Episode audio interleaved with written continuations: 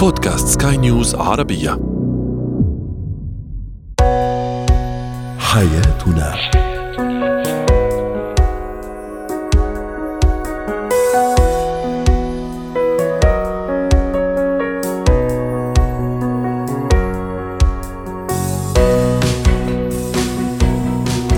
مستمعينا الكرام أهلا بكم معنا إلى حياتنا فضاؤكم اليومي الذي يعنى بشؤون الأسرة وباقي الشؤون الحياتية الأخرى والذي يمكنكم الاستماع إليه.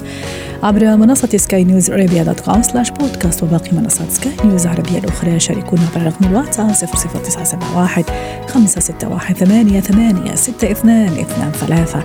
معي أنا آنال شابة اليوم نتحدث عن الشريك الذي لا يهتم بصحته. كيف أتعامل معه كيف أقنعه بأهميته لدى أسرته ولدي أيضا كزوج أو زوجة. أيضا البخل الأباء على أبنائهم هل له تأثير على نفسية الأبناء؟ وأخيرا اتكات فسخ الخطوبة. هو وهي. لا شك أن القلق على من نحب هو شعور طبيعي.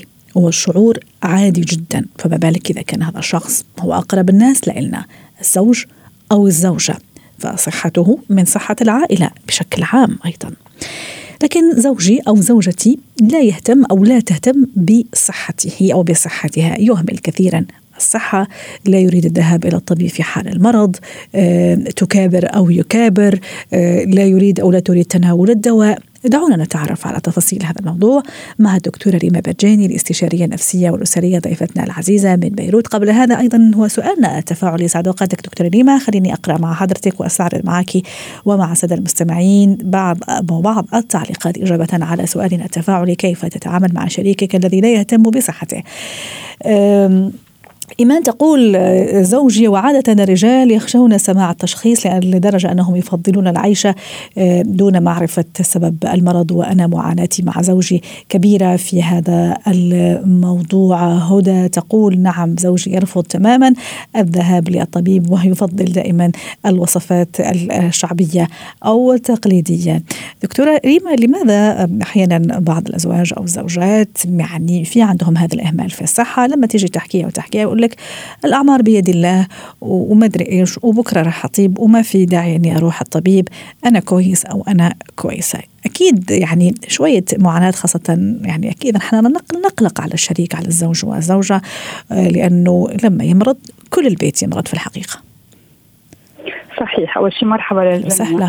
وتقدر جاوب على هذا السؤال يمكن لازم نروح شوي على الأفكار الموروثة عن هذا الموضوع. يعني بتعرفي نحن بعصرنا الجديد إذا فينا نقول صار الاهتمام أكثر بصحتنا وصاروا الأمراض عم بيبينوا أكثر. من هالمنطلق بعد في عنا بعض الناس آه، بتتبع شوي الطريقة القديمة بالعلاج أو بمتابعة أمورنا الصحية اللي هي ما بقى تمشي بهذا الوضع. فإذا هون أول نقطة هي نقطة آه، أكيد نحن طول بنحكي عن التربية أو الاديوكيشن أو نحن بأي بيئة ربينا.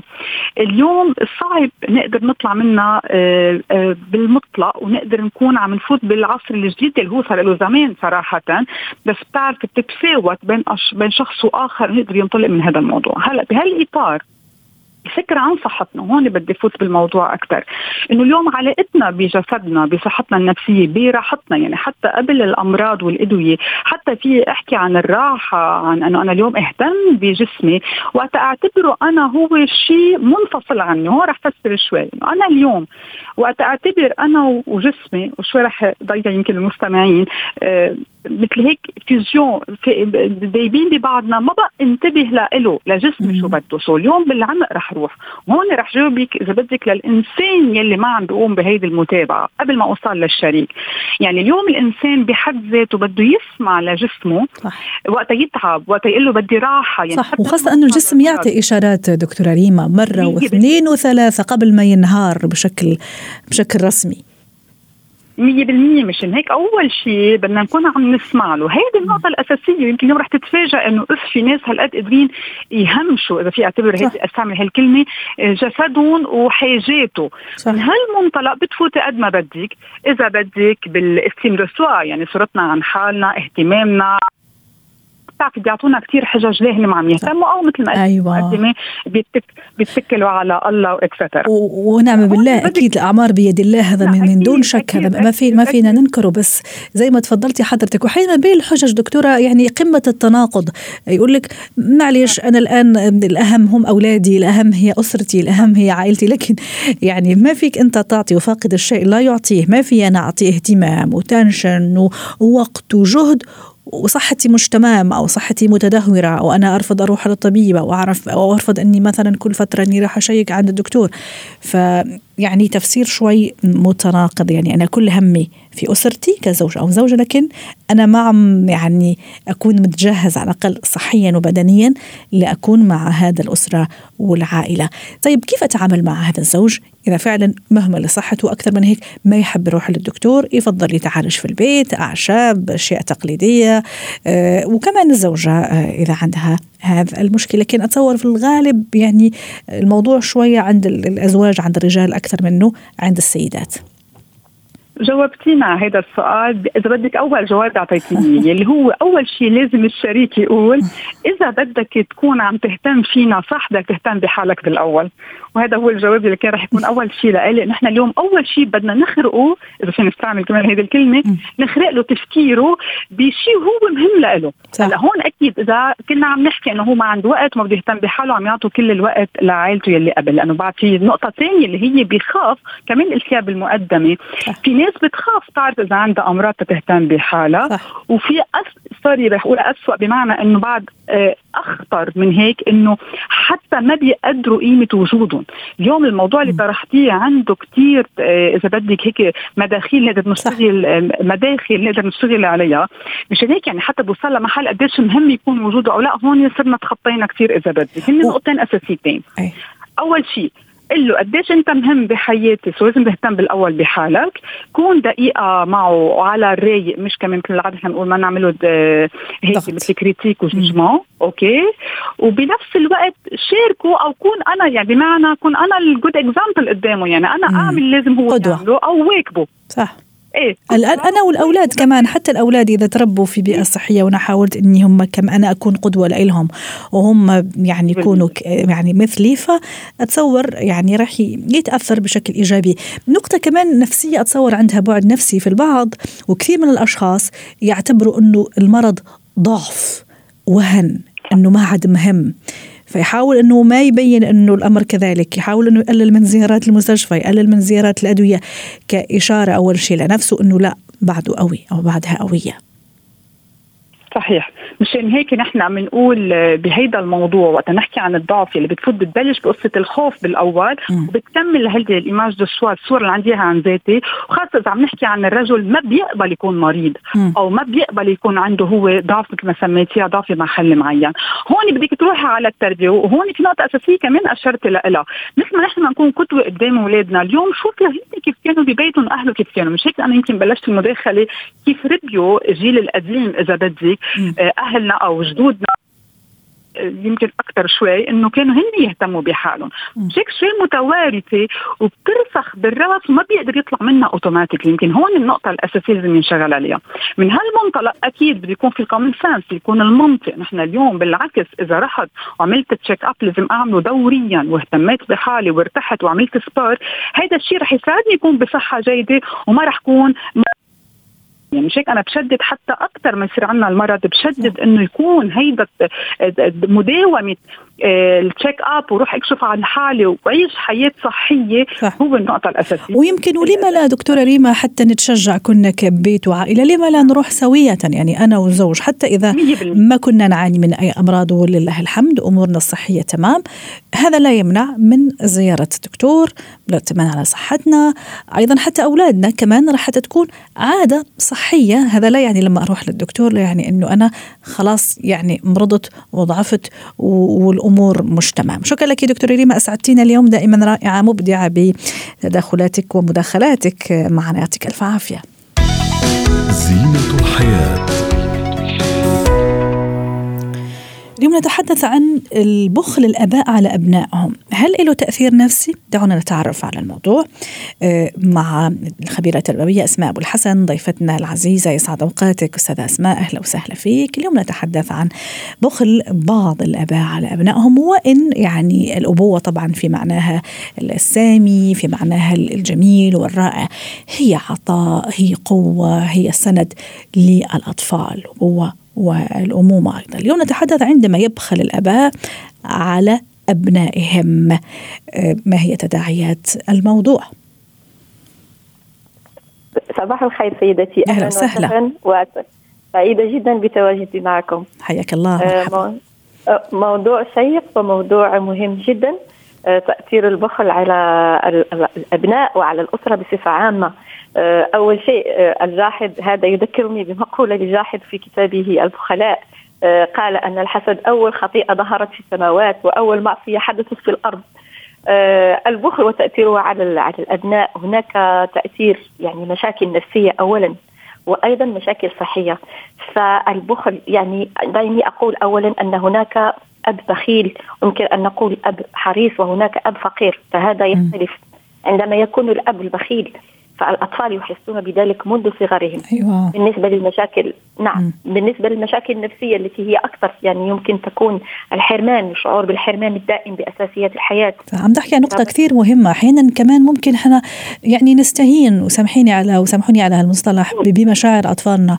هم صغار ثلاث أربع سنوات. ممكن أقول أنا ما راح يحس يعني حتى إذا بخلت عليه ما جبت له شيء. وأنا مقتدر في أجيب لأنه زي ما تفضلتي صنفتي تصنيفات يعني في غاية الأهمية أحيانا أكون مقتدر وفي أجيب. نجيب وفي آه، لكن يعني لسبب أو لآخر لا أحب أوفر آه، هذا المبلغ لغاية في نفس لغاية في نفس يعقوب. يعني كنت أقصد كثير يعني راح يوصل لهم هذا هذا الشعور لأطفالنا. أكيد أكيد أكيد. الأطفال هم أذكياء جدا هم كلهم أطفال. يعني كلهم أذكياء بصفة عامة.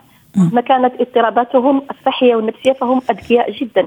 عندهم ذكاء عاطفي كبير. يعني حتى الأطفال الغير يعني آه، يعني الذي عندهم مشاكل يعني صحية فهم أذكياء جدا ويحسون.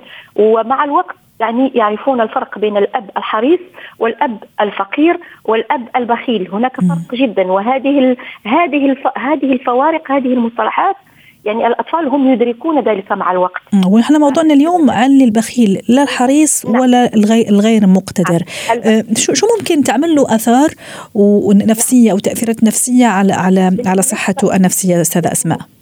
نعم بالنسبة للآثار النفسية هي كثيرة جدا. أولا الحرمان وشعور الحرمان دائما بأساسية الحياة. اضطرابات نفسية مثل إدمان السرقة مثل الحسد الغيرة تتكون عند ابن الأب البخيل. يعني إحساس بالحسد والغيرة للآخرين وإدمان السرقة حتى منذ صغر سنه الشعور بالدنيا عدم احترام الذات وانخفاض الثقة بالنفس. فمثلا بالنسبة لعدم احترام الذات مثلا أب يرتدي جميع نفس الملابس دائما وابدا. فالأب الابن يشمئز من منظر أبيه ولا يحترمه ويعني ولا يفتخر به أمام أصدقائه ذلك يجعله يكون خجولا أمام أصدقائه. فيخجل من أبيه البخيل. يعني الأب يكون غير جدير بالاحترام أمام الطفل أو أمام الابن الشاب والمراهق. الأب البخيل لا يجدر باحترام ابنه. فهنالك أيضا مشاكل في في الأسرة بين الأفراد. مثلا كرههم لبعضهم البعض. آه، يعني مشاكل نفسية كثيرة جدا جدا جدا. صحيح. من, من نعم. وحضرتك ذكرتي كمان مشكلة يعني منها بسيطة ولا هينه اللي هي الحرمان. أكيد هذا راح ينعكس عليهم سلبا مع مرور الوقت وكمان لما يكونوا مراهقين وهذه كمان مرحلة خطيرة جدا ولما هذا الصفة كمان صفة في بعض الآباء تكون عند أبنائهم المراهقين. وحضرتك تعرفي أستاذة أسماء أنه المراهق كمان يعني يبدأ مثلا يرغب في أشياء يقتني أشياء على الموضة خلي أقول عمل مقارنات بينه وبين زملائه في المدرسة. فلما يلاقي نفسه وجه لوجه أمام أب بخيل حارمه عن عمد لكن هو مقتدر وفيه جيب. نعم. فهذه كمان مشكلة أخرى في هذه المرحلة السنية والعمرية. نعم. هو بصفة عامة يعني آه، بالنسبة للأب الفقير لا يمكن أن نقول أنه أب, فق... آه، أب بخيل. طبعا. الأطفال يدركون ذلك. يعني م. كانوا أطفالا أو أو مراهقين أو شباب. هناك بعض يعني من الأثار السلبية على المراهقين يعني الذهاب إلى الانتحار. هناك حالات كثيرة من المراهقين المحرومين يعني أو أبناء آباء بخيلين يعني يذهب بهم الأمر إلى الانتحار وهناك حالات كثيرة جدا. وهناك بالنسبة للشباب بعد موت الأب يعني أنهم آه، يلعبون يلعبون بتلك الثروة. آه، كانوا طريقة انتقامية وكانوا طريقة في الانتقام. نعم. جميل. طريقة للانتقال الانتقام من الحرمان الذين عاشوا منه. فأكثر أبناء الآباء البخيلين يعني يبددون ثروتهم التي التي يعني آه، لسنوات عديدة كانوا يخزنون فيها ويحمون أطفالهم. هناك يعني مشاكل كثيرة جدا. من المشاكل الصحية أيضا. يعني آه، انعكاس ذلك على مثلا صحة الرضيع أو المراهق أو الشاب. نجد عندهم مشاكل صحية في التغذية في هناك أمراض تصيب الطفل أو المراهق التي يعني مثلا الأب البخيل يرفض الذهاب إلى الطبيب أو شراء الأدوية أو يعني يقتصر على آه، إعطاء أدوية في المنزل أو شيء ما فذلك يسبب أمراض كبيرة صحية في المستقبل تذهب إلى الإعاقة أحيانا صحيح. فهذه يعني هذه يعني من بين المشاكل الخطيرة على الرضيع والشاب والمراهق. صحيح وأكيد. صحيح ودائما مثل ما أشرنا في البداية الأبوة والأمومة دائما لطالما ارتبطت بالعطاء نعم. اللامحدود بحب يعني الأطفال بحب أولادنا إنه نعطيهم أقصى ما عندنا من غير حساب ومن غير ما ننتظر منهم لكن في هذا النوع من الأباء و يعني أولياء الأمور للأسف يعني هم مش فئة يعني كثيرة نعم. يعني الغالبية الغالبية العظمى لكن في موجودة فمشان هيك اليوم حبينا نضوي عليها وأكيد لما نقول آه، البخل أكيد في المقابل في كمان التبذير حتى التبذير مش كويس وأكيد رح يعلم الأطفال أشياء ويخليهم كمان اتكاليين ويخليهم اعتماديين على الغير. هذه ممكن رح نخصص لها موضوع آخر. شكرا لك أستاذة أسماء أبو الحسن الخبيرة التربوية ضيفتنا العزيزة من الرباط. أسعدتينا اليوم وأتمنى لك يوم سعيد.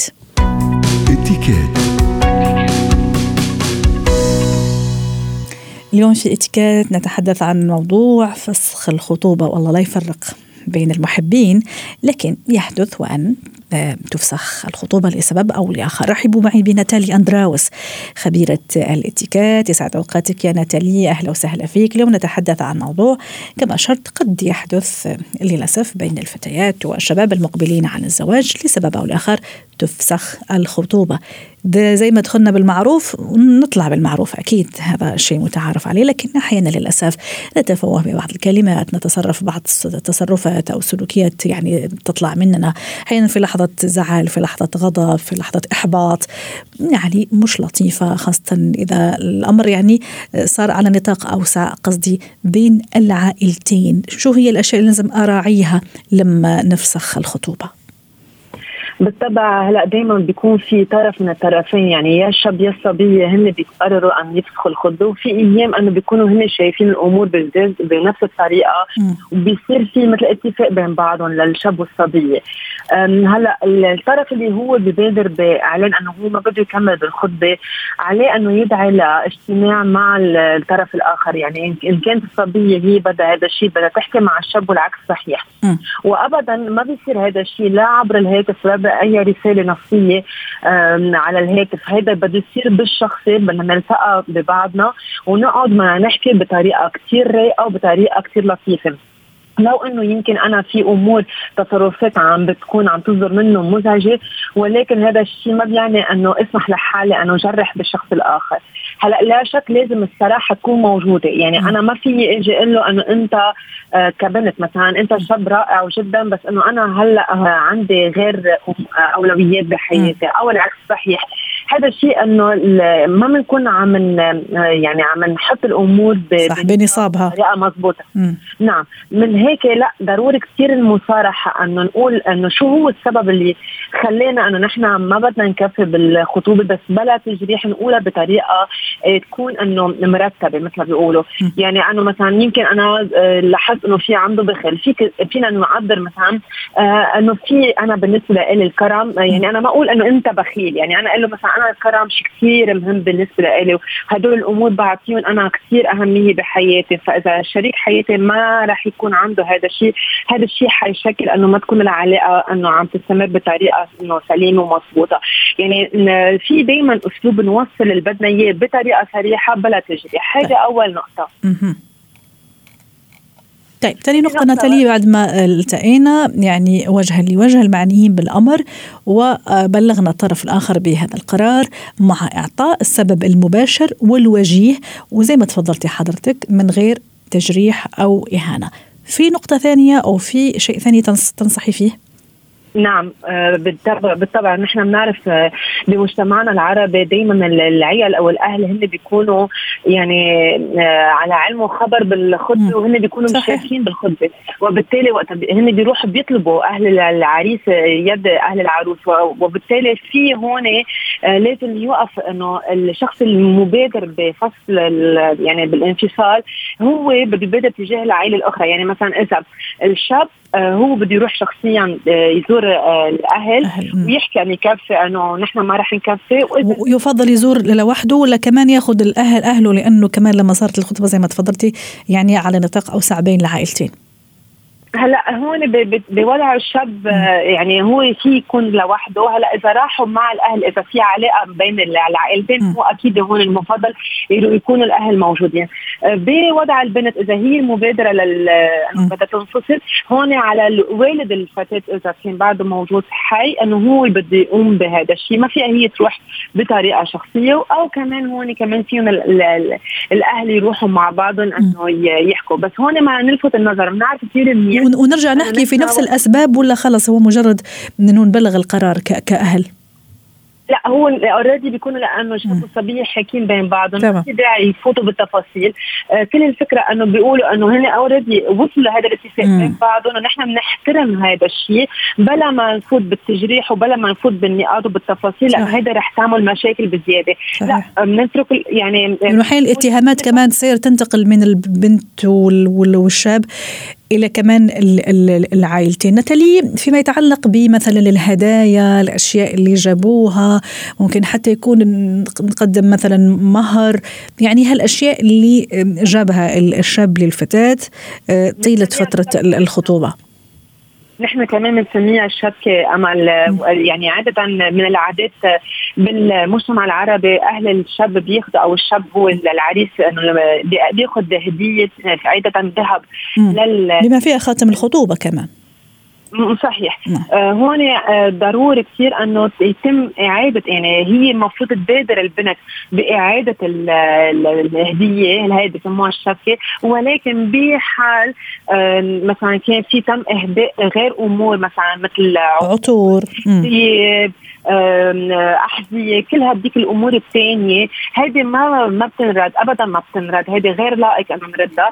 آه شغلة ثانية في عنا موضوع كمان الصور. آه، بالنتيجة إنه نحن آه. إنه مجتمع محافظ وفي بالنتيجة هي البنت إنه آه، حقها تحتفظ بالصور ويعني هو ما لازم يخلي عنده ولا أي صورة منها للبنت جميل يعني استرجاع الصور عم تحكي حضرتك في نقطة كثير مهمة. وتصور كمان حتى هو من حقه إنه يسترجع يسترجع الصور وخاصة إذا بعدين راح يكون مقبل على زواج والارتباط بسيده أخرى. فأتصور كمان من كلا الجانبين. شكرا لك ناتالي أندراوس خبيرة الاتيكيت ضيفتنا من بيروت. حياتنا.